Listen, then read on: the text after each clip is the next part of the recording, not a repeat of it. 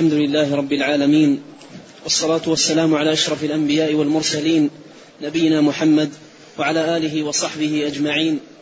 أما بعد فيقول شيخ الإسلام أحمد بن عبد الحليم بن عبد السلام بن تيمية رحمه الله تعالى وغفر له ولشيخنا والسامعين.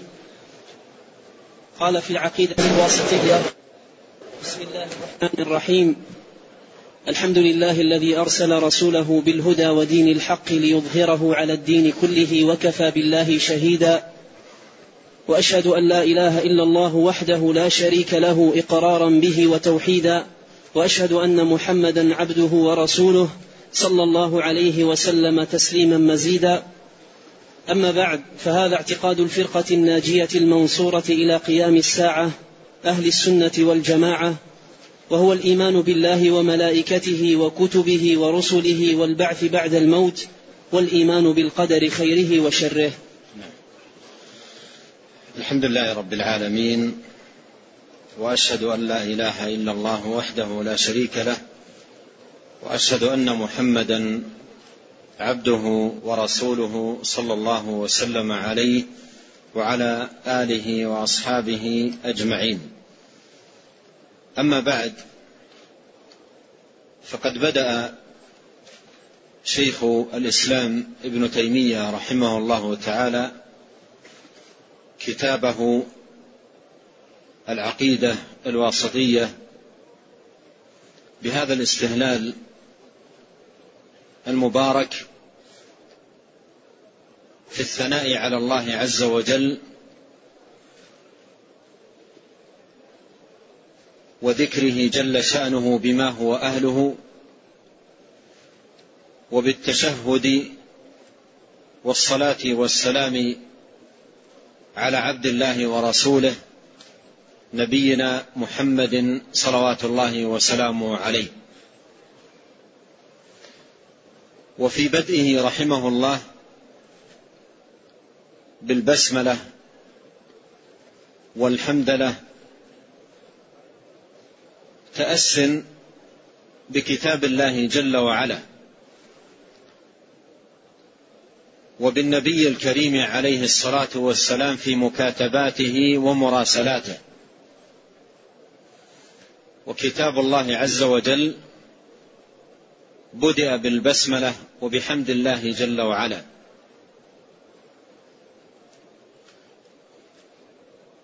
والباء في بسم الله باء الاستعانة. وفي البدء بالبسملة بدء بطلب العون من الله عز وجل. ولهذا استحبت البسملة في مقامات كثيرة. ليكون الإنسان في تحركاته وأفعاله مستعينا بالله تبارك وتعالى طالبا مده وعونه سبحانه متبركا بذكر اسمه جل وعلا والبداءة به. والجار والمجرور في قوله بسم الله متعلق بمحذوف يقدر بحسب حال المبسمل أو فعله. فإن كان فعله دخولا فالمقدر أدخل. وإن كان فعله كتابة فالمقدر أكتب. وإن كان قراءة فالمقدر أقرأ. اقرأ باسم ربك الذي خلق.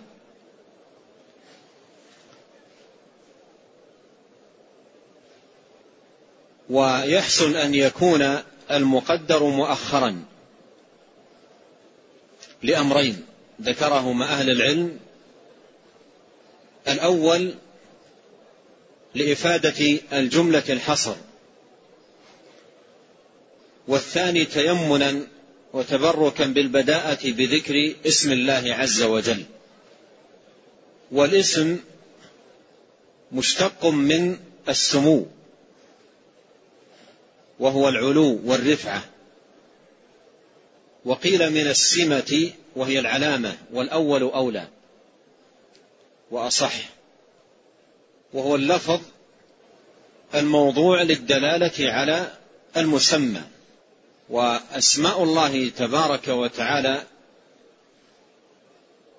كما أخبر جل شأنه كلها حسنى أي بالغة في الحسن كماله وتمامه وهي دالة على الله عز وجل ودالة على صفات كماله ونعوت جلاله. ولهذا لأسماء الله عز وجل دلالتان دلالة من جهة العلمية ودلالة من جهة الوصفية. فهي أعلام وأوصاف. أعلام باعتبار دلالتها على الذات وهي بهذا الاعتبار مترادفة وأوصاف باعتبار دلالتها على الصفات وهي بهذا الاعتبار متباينة. فإن كل اسم يدل على صفة خاصة. وقوله بسم الله. الله علم على الله عز وجل. وهو اسم مشتق من أله يأله إلهة أي عبد يعبد عبادة والتأله التعبد والمألوه المعبود. فالله اسم دال على ألوهية الله.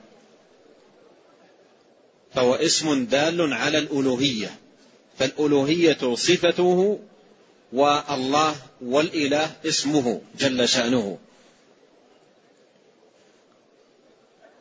ومعنى هذا الاسم كما قال ابن عباس رضي الله عنهما أي ذو الألوهية والعبودية على خلقه أجمعين. رواه عنه ابن جرير في تفسيره. ذو الألوهية والعبودية. فذكر رضي الله عنه أمرين. يدل عليهما هذا الاسم وهما الألوهية والعبودية. أما الألوهية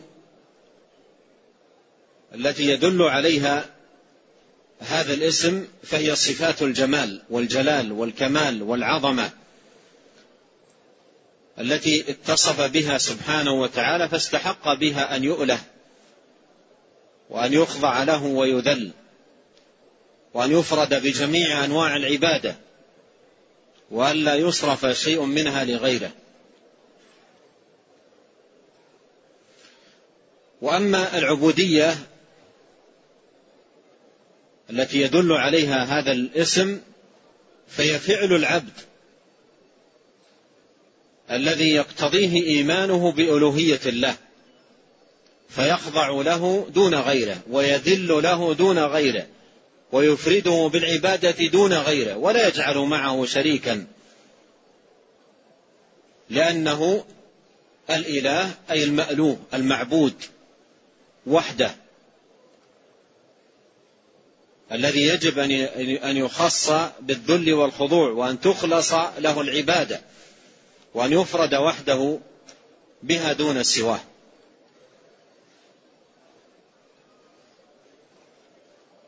والرحمن الرحيم اسمان لله عز وجل دالان على ثبوت الرحمة صفة لله عز وجل. قيل الرحمن يدل على عموم الرحمة والرحيم يدل على ما اختص أو اختص به المؤمنون منها وكان بالمؤمنين رحيما.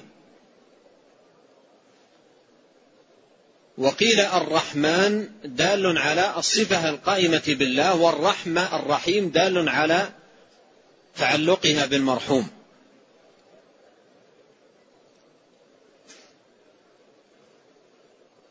وكلا الاسمين يدلان على ثبوت الرحمة صفة لله عز وجل وسيأتي حديث وسيأتي إن شاء الله حديث مفصل عن هذه الصفة في موضعها من هذا الكتاب. قال بسم الله الرحمن الرحيم. الحمد لله الذي أرسل رسوله بالهدى ودين الحق ليظهره على الدين كله. الحمد هو الثناء على الله سبحانه وتعالى بما هو أهله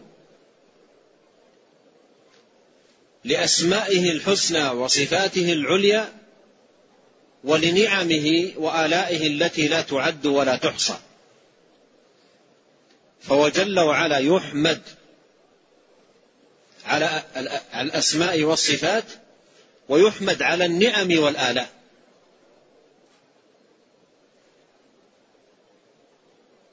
والمصنف رحمه الله تعالى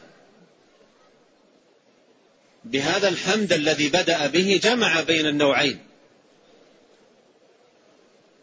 فذكر الحمد على الأسماء بذكر اسم الله الحمد لله. وذكر الحمد على الآلاء بذكر أعظم الآلاء وأجل النعم وهي بعثة الرسل وبعثة الرسول بالهدى ودين الحق. والله عز وجل يحمد على أسمائه وصفاته يحمد على أنه الله الرب العظيم الكريم المحسن الجواد بالصفات العلى والنعوت الكاملة ويحمد على مننه وآلائه وعطاياه التي لا تعد ولا تحصى وأعظمها الهداية لهذا الدين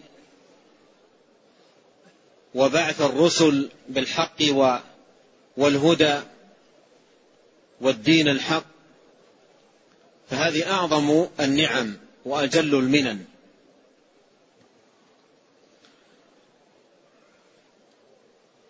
والحمد هو إخبار عن محاسن المحمود مع حبه وإجلاله وتعظيمه.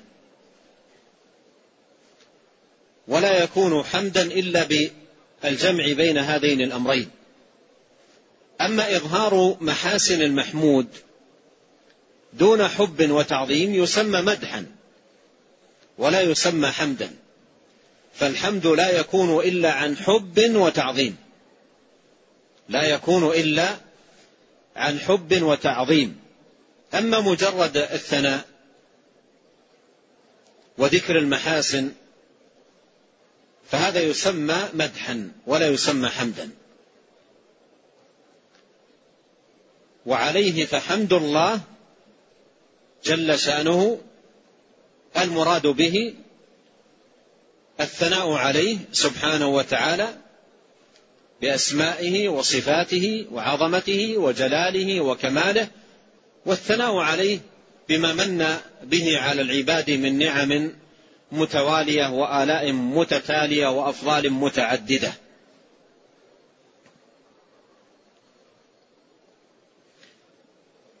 قال الذي أرسل رسوله بالهدى ودين الحق. أرسل أي بعث. والإرسال هو البعث. أرسل رسوله أي محمدا صلى الله عليه وسلم خاتم النبيين. وسيد ولد آدم أجمعين. صلوات الله وسلامه عليه. الذي أرسل رسوله بالهدى. والمصنف رحمه الله يحمد الله على هذه النعمة العظيمة.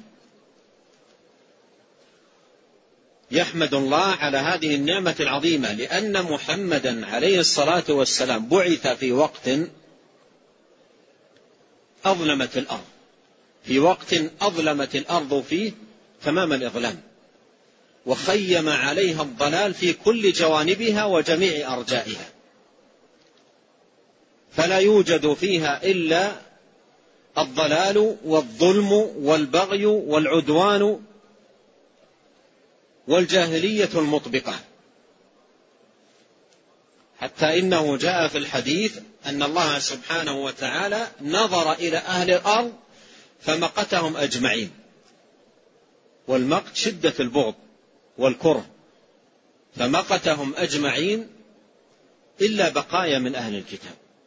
يعني لم يبقى على وجه الأرض إلا بقايا قلة قليلة جدا من أهل الكتاب. وبقية الخلق في ضلال مخيم وجاهلية مطبقة. فبعث الله سبحانه وتعالى محمدا عليه الصلاة والسلام في ذلك الوقت بالهدى ودين الحق. هذه نعمة عظيمة ومنة جسيمة وفضل كبير ينبغي أن يذكر ويشكر وأن يحمد المولى جل شأنه حمدا كثيرا طيبا مباركا فيه على هذه النعمة العظمى والمنة الجسيمة. الذي أرسل رسوله بالهدى ودين الحق خلاصة ما بعث به صلوات الله وسلامه عليه أمران الهدى ودين الحق. هذا خلاصة ما بعث به الهدى ودين الحق. والهدى هو العلم النافع الذي بعث به عليه الصلاة والسلام وأوحي إليه. ودين الحق هو العمل الصالح. ودين الحق هو العمل الصالح. فهو عليه الصلاة والسلام بعث بالعلم والعمل. بعث بالعلم الذي هو الهدى وبعث بالعمل الذي هو دين الحق. بعث بالعلم والعمل. والله سبحانه وتعالى خلق الخلق للعلم والعمل. خلق الخلق للعلم والعمل. أما خلقه لهم للعلم فيقول الله عز وجل الله الذي خلق سبع سماوات ومن الأرض مثلهن يتنزل الأمر بينهن لماذا؟ لتعلموا أن الله على كل شيء قدير وأن الله قد أحاط بكل شيء علما. وأما خلقهم للعمل فيقول جل شأنه وما خلقت الجن والإنس إلا ليعبدون. فهو خلق الخلق للعلم والعمل. ولهذا قال أهل العلم التوحيد نوعان علمي وعملي.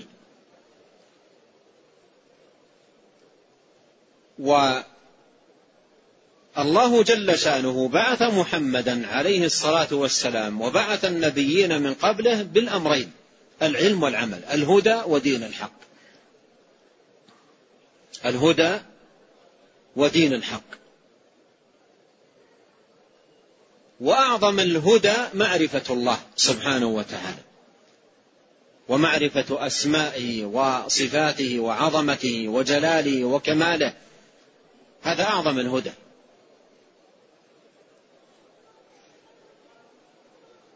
قال الذي أرسل رسوله بالهدى ودين الحق أي بعثه بالعلم النافع والعمل الصالح. وبتحقيق العبد لهما تتم النعمة عليه أن يكون من أهل العلم والعمل من أهل الهدى ودين الحق. وفي سورة الفاتحة اهدنا الصراط المستقيم صراط الذين أنعمت عليهم. والمنعم عليهم هم الذين أكرمهم الله سبحانه وتعالى بالجمع بين الأمرين الهدى ودين الحق العلم النافع والعمل الصالح. غير المغضوب عليهم ولا الضالين. والمغضوب عليهم من عندهم علم لا يعملون به والضالون الذين يعملون بلا علم. ولا تتم للعبد النعمة إلا بالهدى ودين الحق. بالعلم النافع والعمل الصالح. بالعلم النافع والعمل الصالح. وبهذا بعث الله سبحانه وتعالى رسوله محمدا صلى الله عليه وسلم وبه بعث الرسل من قبله. قال ليظهره على الدين كله. ليظهره على الدين كله. وهذا وعد كريم من الله سبحانه وتعالى لهذا النبي عليه الصلاة والسلام. بأن أمره من حين يبعث في علو ورفعة. وأمر أعدائه في سفول وانحطاط. ولهذا منذ بعث عليه الصلاة والسلام ودينه في ظهور وعلو ليظهره على الدين كله. وهذا الوعد تحقق في زمانه عليه الصلاة والسلام خضعت له الجزيرة بكاملها وفي زمن الخلفاء من بعده امتد الإسلام في أرجاء المعمورة. وصل إلى الصين شرقا وإلى أقصى المغرب غربا. وهي الأماكن التي كانت معمورة بالناس. قد قال عليه الصلاة والسلام إن الله زوى لي الأرض مشارقها ومغاربها وإن ملك أمتي سيبلغ ما زوي لي منها. ولا يلزم من ذلك بقاء ذلك. لكن دينه عليه الصلاة والسلام لا يزال باقيا ولا يزال له أعوان وأنصار وسيأتي الحديث عن النبي صلى الله عليه وسلم لا تزال طائفة من أمتي على الحق منصورة. لا يضرهم من خذلهم إلى قيام الساعة.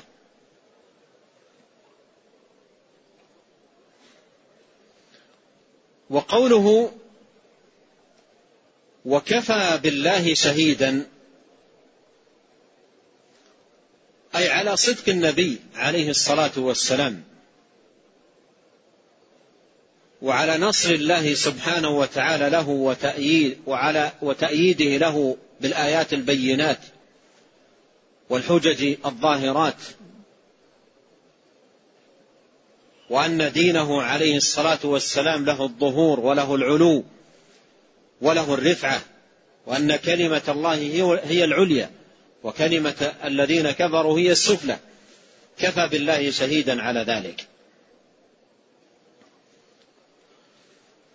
وهذا مأخوذ من آية في سورة الفتح. قال جل شأنه هو الذي أرسل رسوله بالهدى ودين الحق ليظهره على الدين كله وكفى بالله شهيدا. ثم قال بعده محمد رسول الله صلى الله عليه وسلم. قال وأشهد أن لا إله إلا الله وحده لا شريك له إقرارا به وتوحيدا. وأشهد أن محمدا عبده ورسوله صلى الله عليه وعلى آله وسل وآله عندك إيش؟ وآله وسلم تسليما مزيدا. وآله وسلم تسليما مزيدا. جمع المصنف رحمه الله تعالى بين الشهادتين في استهلاله. وهذا وهذا منه رحمه الله عملا بما ثبت في سنن أبي داود وغيره من حديث أبي هريرة عن النبي صلى الله عليه وسلم أنه قال كل خطبة ليس فيها تشهد فهي كاليد الجذمة. كل خطبة ليس فيها تشهد فهي كاليد الجذماء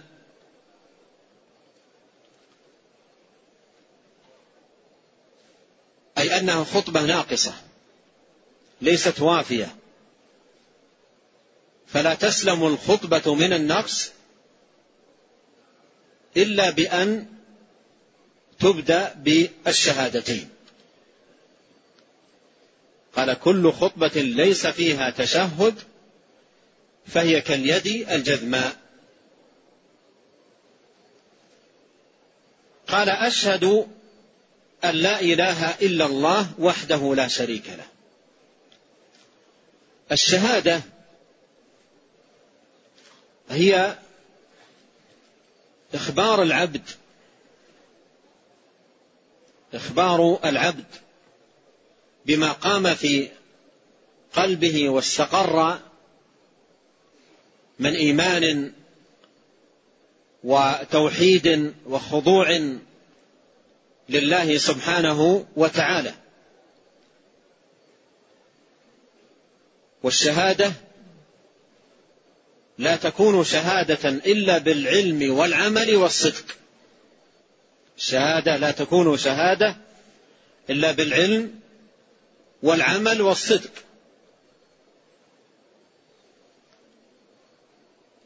إذ إن المرء بدون العلم حاله يكون كحال النصارى.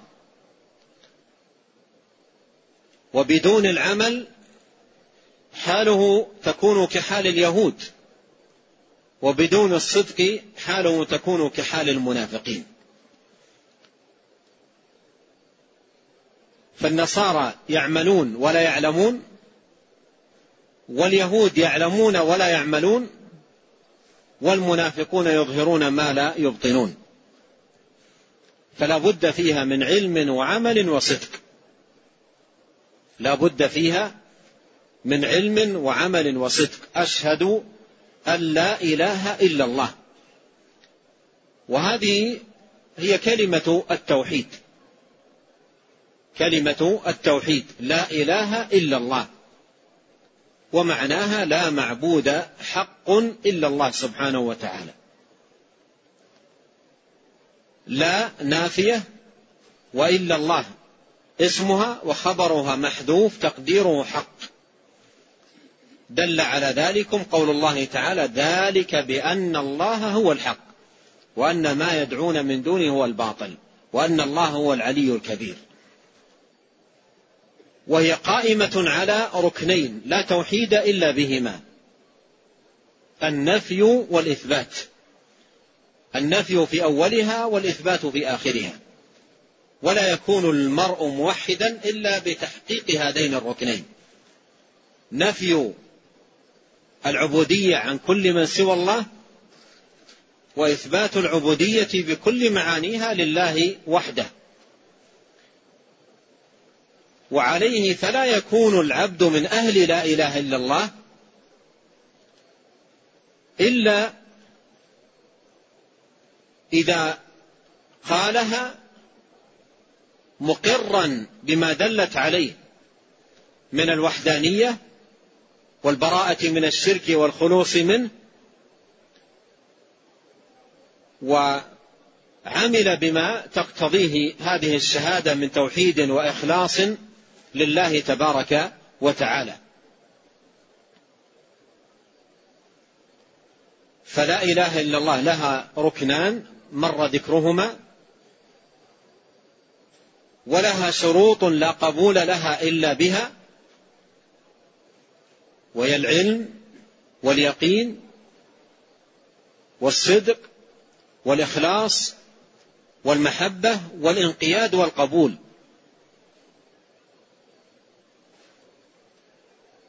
وبشروط سبعة قد قيدت وفي نصوص الوحي حقا وردت فإنه لا ينتفع قائلها بالنطق إلا حيث يستكملها. العلم واليقين والقبول والانقياد فدر ما أقول والصدق والإخلاص والمحبة وفقك الله لما أحبه. وهذه الأبيات للعلامة حافظ حكمي رحمه الله في منظومة سلم الوصول ويحسن مطالعة شرحه لها في كتابه معارج القبول.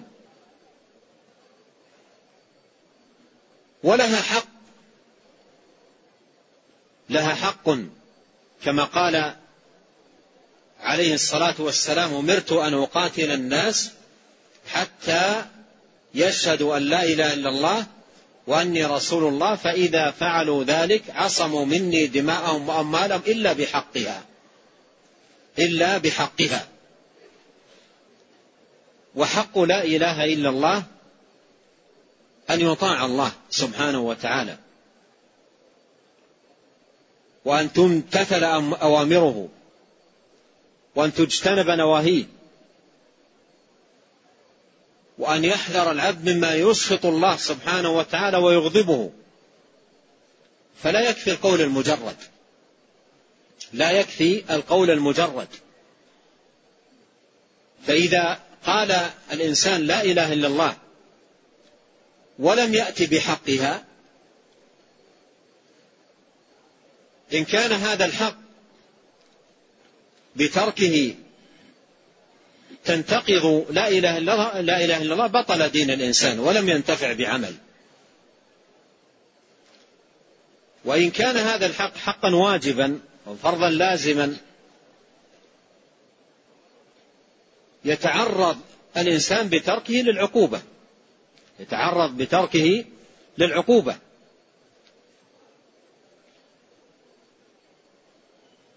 حتى وإن لم يأتي بناقض. ولهذا قال عليه الصلاة والسلام من قال لا إله إلا الله من قال لا إله إلا الله دخل الجنة يصيبه قبل ذلك ما يصيبه يعني إن لم يكن أتى بحقها. وما تقتضيه من خضوع وطاعة وامتثال لأوامر الله سبحانه وتعالى. قال وأشهد أن لا إله إلا الله وحده لا شريك له. وحده لا شريك له. قوله وحده لا شريك له فيه تأكيد للا إله, للا إله إلا الله بركنيها النفي والإثبات. فقوله وحده تأكيد للإثبات وقوله لا شريك له تأكيد للنفي. فأكد بقوله وحده إلا الله وأكد بقوله لا شريك له لا إله. وهذا التأكيد فيه اهتمام بمقام التوحيد الذي هو أعظم المقامات وأجلها. لا إله إلا الله وحده لا شريك له. وقد كان عليه الصلاة والسلام يأتي بهذا التهليل مع هذا التأكيد دبر كل صلاة كما صح بذلكم الحديث في صحيح مسلم. فكان يقول عليه الصلاة والسلام دبر كل صلاة لا إله إلا الله وحده لا شريك له له الملك وله الحمد وهو على كل شيء قدير. لا حول ولا قوة إلا بالله. لا إله إلا الله ولا نعبد إلا إياه. له النعمة وله الفضل وله الثناء الحسن. لا إله إلا الله مخلصين له الدين ولو كره الكافرون. فهذه ثلاث تهليلات. ثلاث تهليلات يقولها عليه الصلاة والسلام دبر كل صلاة متبوعة كل تهليلة إما بتأكيد لها أو بيان لمعناها أو تحقيق لمقصودها ومدلولها. فقوله وحده لا شريك له هذا تأكيد. قوله في التهليلة الأولى وحده لا شريك له تأكيد لما دلت عليه من النفي والإثبات.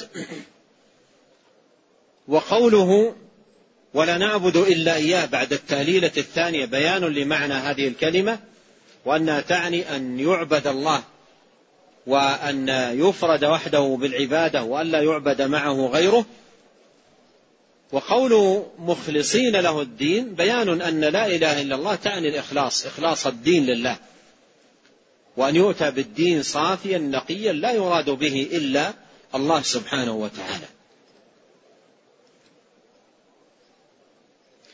ولعلنا ندرك بذلك فضل هذا التهليل ومكانته العظيمة. وأنه ليس كلاما يقال فقط أدبار الصلوات دون استشعار للمعنى أو معرفة بالدلالة. وليس شيء من الأذكار الشرعية بهذا بهذا بهذه الحال أو بهذا الوصف بل الأذكار الشرعية لها دلالاتها ومعانيها ومقاصدها ومراميها. فالإتيان بهذا الذكر المبارك أدبار الصلوات فيه استذكار للتوحيد ومدارسة لمعانيه ودلالاته وتوسيع لمساحته ومكانته في قلب المؤمن ورعاية وعناية به. وإذا استمر المسلم مع هذا التكرار لا يزال مع تكرر الأيام وتكرر الليالي ومرور هذه الصلوات مجددا توحيده وإيمانه وإخلاصه لله سبحانه وتعالى. وقد قال عليه الصلاة والسلام في الحديث الصحيح إن الإيمان ليخلق كما يخلق الثوب. فاسألوا الله أن يجدد الإيمان في قلوبكم. ومن أعظم روافد تجديد الإيمان في القلوب ذكر الله سبحانه وتعالى بهذه الأذكار الموظفة الراتبة الثابتة عن الرسول صلى الله عليه وسلم. ولا تجد شيئا من الأذكار سواء أذكار الصلوات أو أذكار طرفي النهار أو أذكار النوم أو غيرها من الأذكار إلا وفيها كلمة التوحيد. إلا وفيها كلمة التوحيد لا إله إلا الله آه، مع ذكر مؤكدات أو بيان للمعنى أو نحو ذلك. قوله إقرارا به وتوحيدا أي أشهد شهادة مقر موحد. أشهد أن لا إله إلا الله شهادة مقر موحد. والإقرار تصديق وإذعان. الإقرار تصديق وإذعان. فالإقرار يتضمن العمل. يتضمن معنى العمل. أما مجرد آه، التصديق دون عمل لا يسمى إقرارا. الإقرار لا بد فيه من عمل من إذعان من انقياد. فقوله إقرارا أي مذعنا منقادا خاضعا لله سبحانه وتعالى ممتثلا ما تقتضيه هذه الشهادة. من خضوع لله وإفراد له سبحانه وتعالى بالعبادة وامتثال لأمره إقرارا وتوحيدا. أي أشهد شهادة موحد. أشهد شهادة موحد.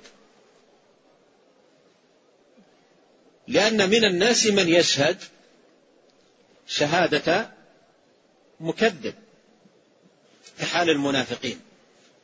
قال الله تعالى إذا جاءك المنافقون قالوا نشهد. قالوا نشهد. لكن هل هذه شهادة موحد؟ هل هذه شهادة مصدق؟ هل هذه شهادة مذعن؟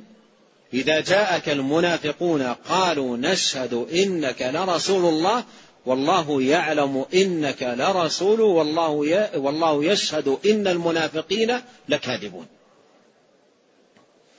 كاذبون في أن ما قالوه بألسنتهم ليس ثابتا ولا مستقرا في قلوبهم. فهي شهادة مكذب. فهي شهادة مكذب. وهذا النوع من الشهادة لا ينفع صاحبه. ولهذا كان أهل هذه الشهادة في الدرك الأسفل من النار. ولا تنفع الشهادة إلا إذا كانت شهادة مقر موحد. ولهذا قال إقرارا به وتوحيدا. أي أشهد شهادة مقر موحد. والتوحيد أصل يدل على الإفراد. مصدر للفعل وحد يوحد توحيدا. فهو أصل يدل على الإفراد. وتوحيد الله سبحانه وتعالى إفراد الله. بخصائصه جل شأنه وحقوقه. وهو أنواع ثلاثة. توحيد الربوبية وتوحيد الألوهية وتوحيد الأسماء والصفات. توحيد الربوبية وتوحيد الأسماء والصفات. توحيد علمي وتوحيد الألوهية توحيد عملي. قال إقرارا به وتوحيدا. وأشهد أن محمدا عبده ورسوله صلى الله وسلم عليه. وأشهد أن محمدا عبده ورسوله. والشهادة بأن محمدا رسول الله هي قرينة الشهادة بأن لا إله إلا الله. ولا تقبل شهادة أن لا إله إلا الله إلا بقرينتها إلا بقرينتها. وهي شهادة أن محمدا رسول الله. قال وأشهد أن محمدا عبده ورسوله. في هذا الشهادة للنبي عليه الصلاة والسلام بالرسالة. والرسول صلى الله عليه وسلم والرسل من قبله بعثهم الله ليطاعوا. كما قال سبحانه وتعالى وما أرسلنا من رسول إلا ليطاع بإذن الله. فالرسل أرسلوا ليطاعوا. فمن قال فمن شهد لهم بالرسالة لزمهم لزمه أن يطيعهم. فإن لم يطعهم لم تتحقق الشهادة. لأنهم بعثوا ليطاعوا. فلا شهادة إلا بطاعة. لا شهادة إلا بطاعة. أما أن يقول أشهد أنه رسول لكن لا أطيعه بل أعصيه ولا أتبعه بل لا لا, لا أسلك إلا طريقا غير طريقه وهديا غير هديه لا يكون من أهل الشهادة وإن قال أشهد أن محمدا رسول الله.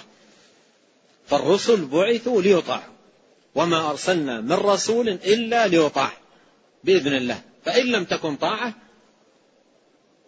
لم يتحقق المقصود الذي بعثوا لأجله.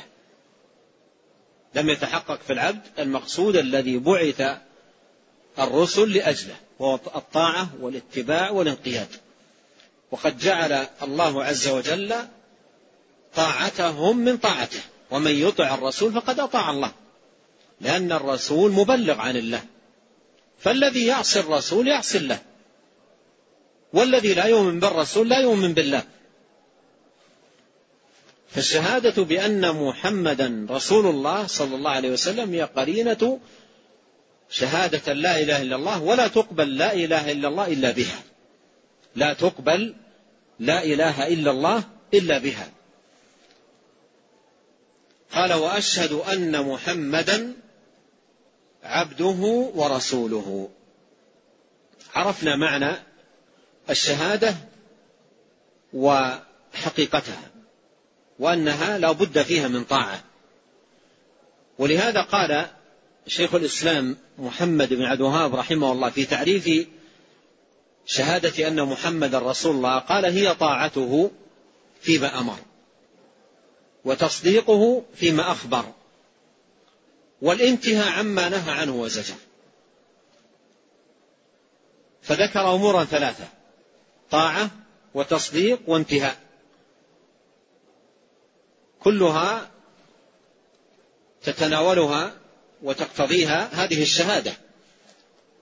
طاعة وتصديق وانتهاء لماذا هذه الثلاث؟ لأن النبي عليه الصلاة والسلام بعث بهذه الثلاث. بعث بأوامر وبعث بنواهي وبعث بأخبار. بعث بأوامر وبنواهي وبأخبار. فلا يكون العبد من أهل الشهادة حقا وصدقا إلا إذا طاع إلا إذا أطاعه فيما أمر وصدقه فيما أخبر وانتهى عما نهى عنه وزجر. وبهذا تتحقق الطاعة التي في قوله وما أرسلنا من رسول إلا ليطاع بإذن الله. فالطاعة هنا تتناول فعل الأوامر وتصديق الأخبار والانتهاء عن النواهي. قال وأشهد أن محمدا عبده ورسوله. جمع بين هذين الوصفين الكريمين للنبي عليه الصلاة والسلام العبودية والرسالة. العبودية والرسالة. أشهد أن محمدا عبده ورسوله. أما العبودية فإنه صلوات الله وسلامه عليه كمل مقامها أحسن تكميل. فكان عليه الصلاة والسلام أعبد الناس لله وأتقى الناس لله وأعلم الناس بالله. كمل هذا المقام أتم تكميل. فليس في عباد الله أفضل ولا أكمل منه عبودية لله سبحانه وتعالى. كمل هذا المقام. ولهذا ذكره الله سبحانه وتعالى بهذا الوصف ذكره بهذا الوصف في مقاماته الشريفة. قال جل شأنه في الإسراء وهو مقام شريف من مقاماته عليه الصلاة والسلام قال سبحان الذي أسرى بعبده. وقال جل وعلا في مقام الدعوة وأنه لما قام عبد الله يدعوه وقال جل وعلا في مقام التحدي وإن كنتم في ريب مما نزلنا على عبدنا. فأتوا بسورة. ريب أي شك. وهذا مقام تحدي. وقال في مقام انزال الوحي وهو مقام عظيم. الحمد لله الذي أنزل على عبده الكتاب. فذكره بهذا الوصف في مقاماته الشريفة. صلوات الله وسلامه عليه. فهو عبد لله. عبد لله. كمل مقام العبودية خضوعا وذلا وانكسارا وطواعية لله حتى إنه عليه الصلاة والسلام كان يقوم الليل حتى تورمت قدمه وقيل له في ذلك تفعل ذلك وقد غفر الله لك ما تقدم من ذنبك وما تأخر؟ قال أفلا أكون عبدا شكورا. أفلا أكون عبدا شكورا فهو عبد لله. والعبد لا يعبد. العبد لا يعبد. فهو عبد لله. والعبد لا يعبد. ليس له شيء من حقوق الرب وخصائص الرب. من ذل وخضوع وانكسار هذه كلها حقوق لله. العبد لا يعبد. ولهذا عليه الصلاة والسلام كان ينكر أشد إنكار أدنى خلل في هذا الجانب. سمع مرة الرجل يقول ما شاء الله وشئت فغضب. وقال أجعلتني لله ندا بل ما شاء الله وحده.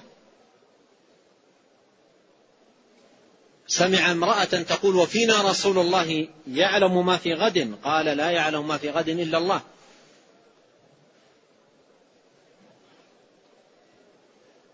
وقال عليه الصلاة والسلام لا تطروني كما أطرت النصارى عيسى ابن مريم فإنما أنا عبد.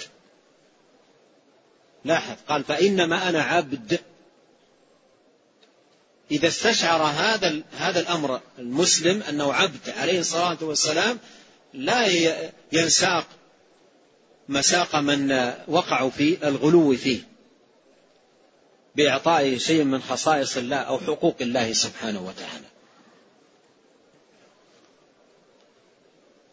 ولهذا في ذكره عليه الصلاة والسلام بوصف العبودية سلامة من الغلو فيه. سلامة من الغلو فيه. ولهذا قال لنا قولوا عبد الله ورسوله. قدم العبودية. لأن ذكر بهذا الوصف مع إقرار القائل بذلك بأنه عبد يعطي يعطي القائل إذا كان يفهم ما يقول ويعي ما يقول يعطيه أمنة من الغلو. يعطيه أمنة من الغلو. فهو عبد. فإذا ما دعي إلى مغالاة فيه أو إعطائه شيء من خصائص الله أو حقوق الله أو نحو ذلك منعه إقراره بأنه صلى الله عليه وسلم عبد. فالعبد ليس له شيء من خصائص الرب ولا شيء من حقوقه. ولهذا قال لا تطروني كما أطرت النصارى عيسى ابن مريم فإنما أنا عبد. لماذا قال فإنما أنا عبد؟ لماذا لم يقل فإنما أنا رسول؟ قال لا تطروني كما أطرت النصارى عيسى ابن مريم فإنما أنا عبد. لماذا لم يقل فإنما أنا رسول؟ لأن ذكره بمقام العبودية هو الذي يدفع الغلو والإطراء الزائد عن الحد والمغالاة. فذكره بالعبودية يدفع ذلك. يدفع ذلك. قال وأشهد أن محمدا عبده ورسوله. والرسالة أيضا وصف كمله عليه الصلاة والسلام تمام التكميل. فبلغ البلاغ المبين وما ترك خيرا إلا دل الأمة عليه ولا شرا إلا حذرها منه صلوات الله وسلامه وبركاته عليه. ولما يمت حتى أنزل الله عليه في ذلك تنصيصا وتبيينا قوله اليوم أكملت لكم دينكم وأتممت عليكم نعمتي ورضيت لكم الإسلام دينا. فأتم الله به الرسالة وأكمل به النعمة. وما ترك خيرا إلا دل الأمة عليه ولا شرا إلا حذرها منه. صلوات الله وسلامه عليه. وفي جمع المصنف رحمه الله بين العبودية والرسالة في, في هذا التشهد اتباع للنصوص وعمل بتوجيه النبي الكريم عليه الصلاة والسلام وفي هذا الجمع سلامة من الغلو والجفاء وسلامة من الإفراط والتفريط. فذكر العبودية تكون به السلامة من الغلو وذكر الرسالة تكون به السلامة من الجفاء. تكون به السلامة من الجفاء. ودين الله سبحانه وتعالى وسط بين الغلو والجفاء وسط بين الإفراط والتفريط. فقول عبد الله ورسوله هذه تعطي العبد توازن واعتدال لا غلو ولا جفاء. عبد فلا أغلو فيه رسول فلا أعصيه. عبد فلا أغلو فيه. ورسول لا أعصيه بل أطيعه. فيكون سلم بهذا من الغلو والجفاء. وأشهد أن محمدا عبده ورسوله صلى الله عليه وعلى آله وسلم تسليما مزيدا. صلى الله صلاة الله على رسوله صلى الله عليه وسلم أصح ما قيل في معناها ذكره له وثناؤه عليه في الملأ الأعلى. ذكره له وثناؤه عليه في الملأ الأعلى.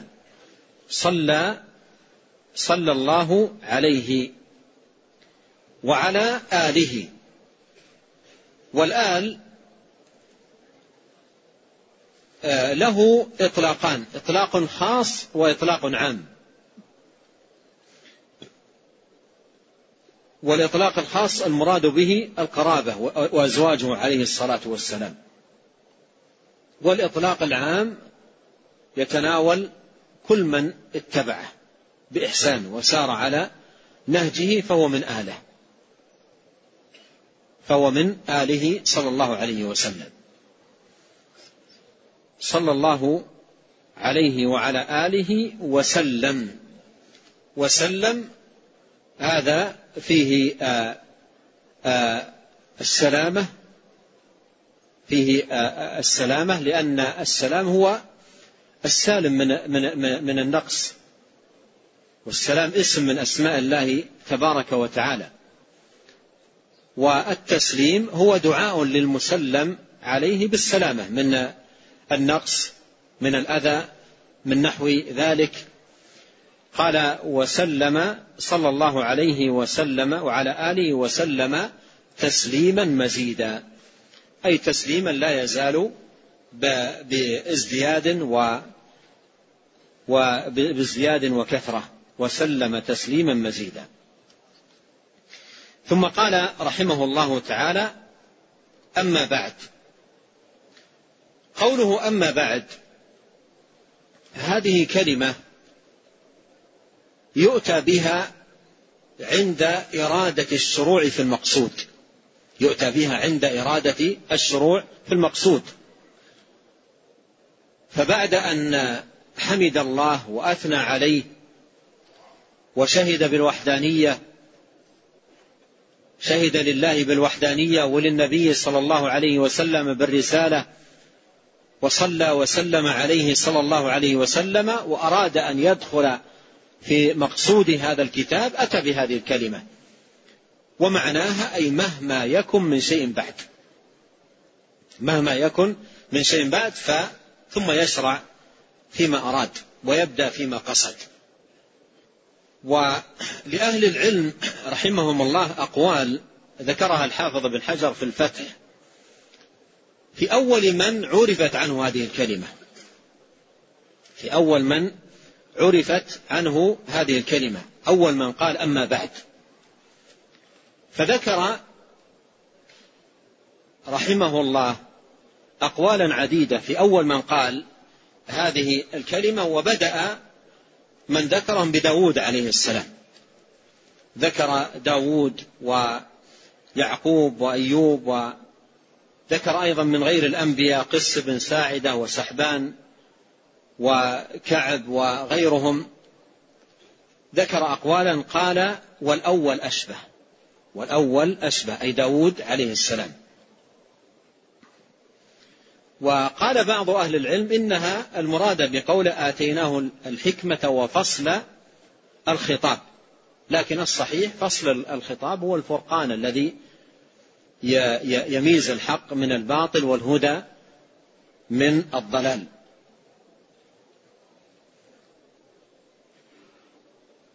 يقول الناظم جرى الخلف أما بعد من كان بادئا بها عد أقوالا وداود أقرب ويعقوب أيوب الصبور وآدم وقس وسحبان وكعب ويعرب.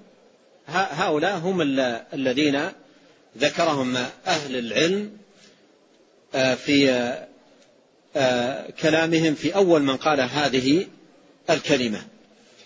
وتأتي هذه الكلمة أما بعد في آه، كلام الرسول عليه الصلاة والسلام كثيرا. وقد بلغ عدة من نقل ذلك نقل هذه الكلمة عن عن النبي عليه الصلاة والسلام ما يزيد على الثلاثين صحابيا. ما يزيد على الثلاثين صحابيا. وكان يقولها دائما في خطبه. يحمد الله ويثني عليه ثم يقول أما بعد فإن أصدق الحديث كلام الله وخير الهدى هدى محمد صلى الله عليه وسلم.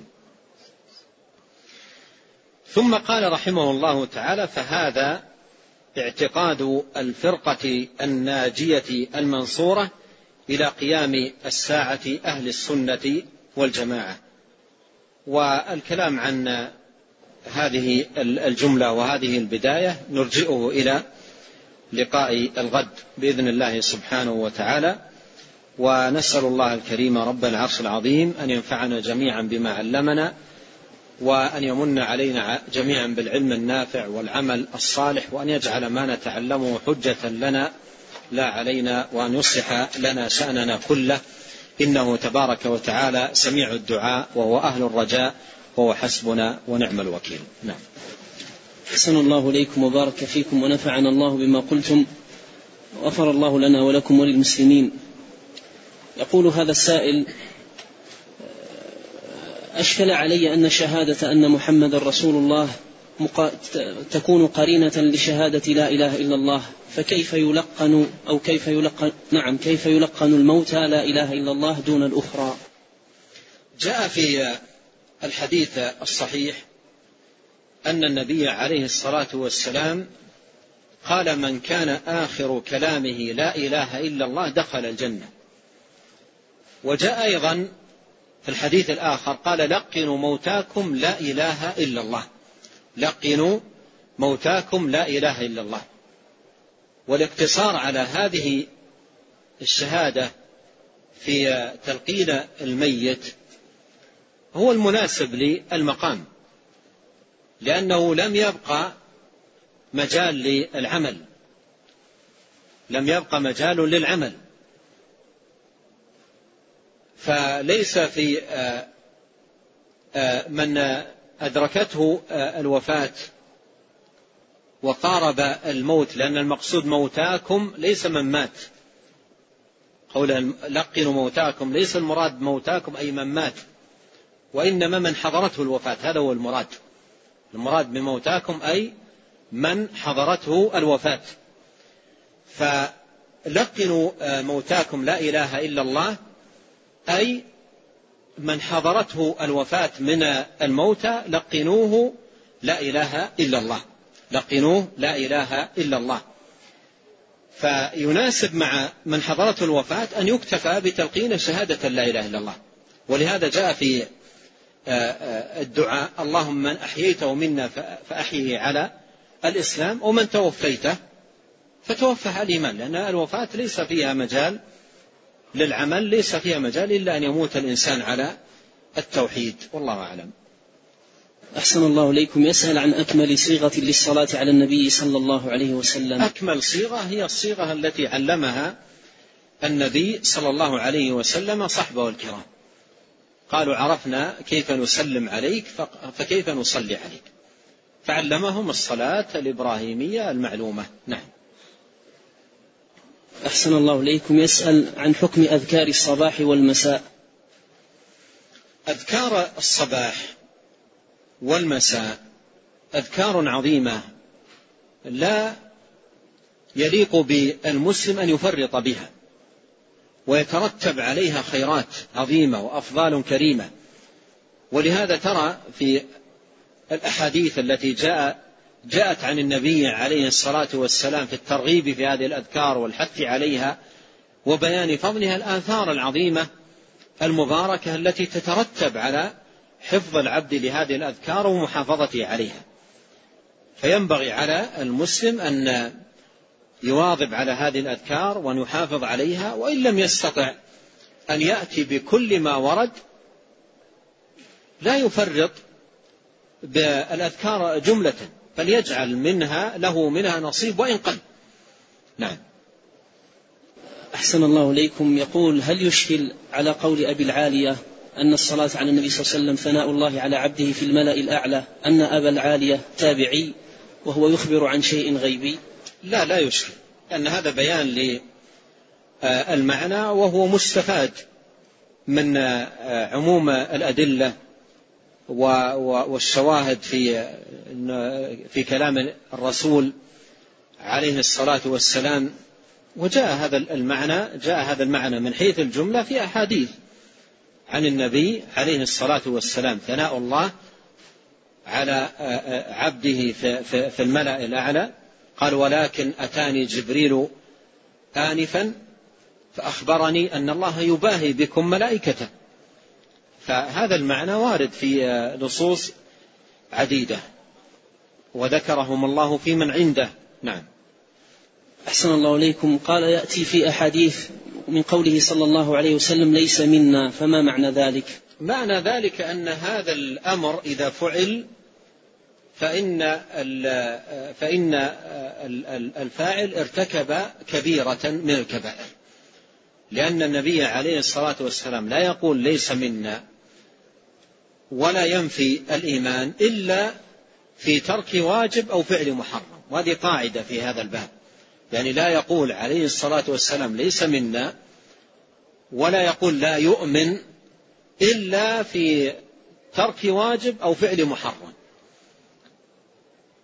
فمثلا قوله من غشنا فليس منا من غشنا فليس منا دليل على أن الغش كبيرة لأن لا يقال ليس منا إلا فيما هو كبير. ونكتفي بهذا والله أعلم وصلى الله وسلم على عبده ورسوله نبينا محمد وآله وصحبه أجمعين.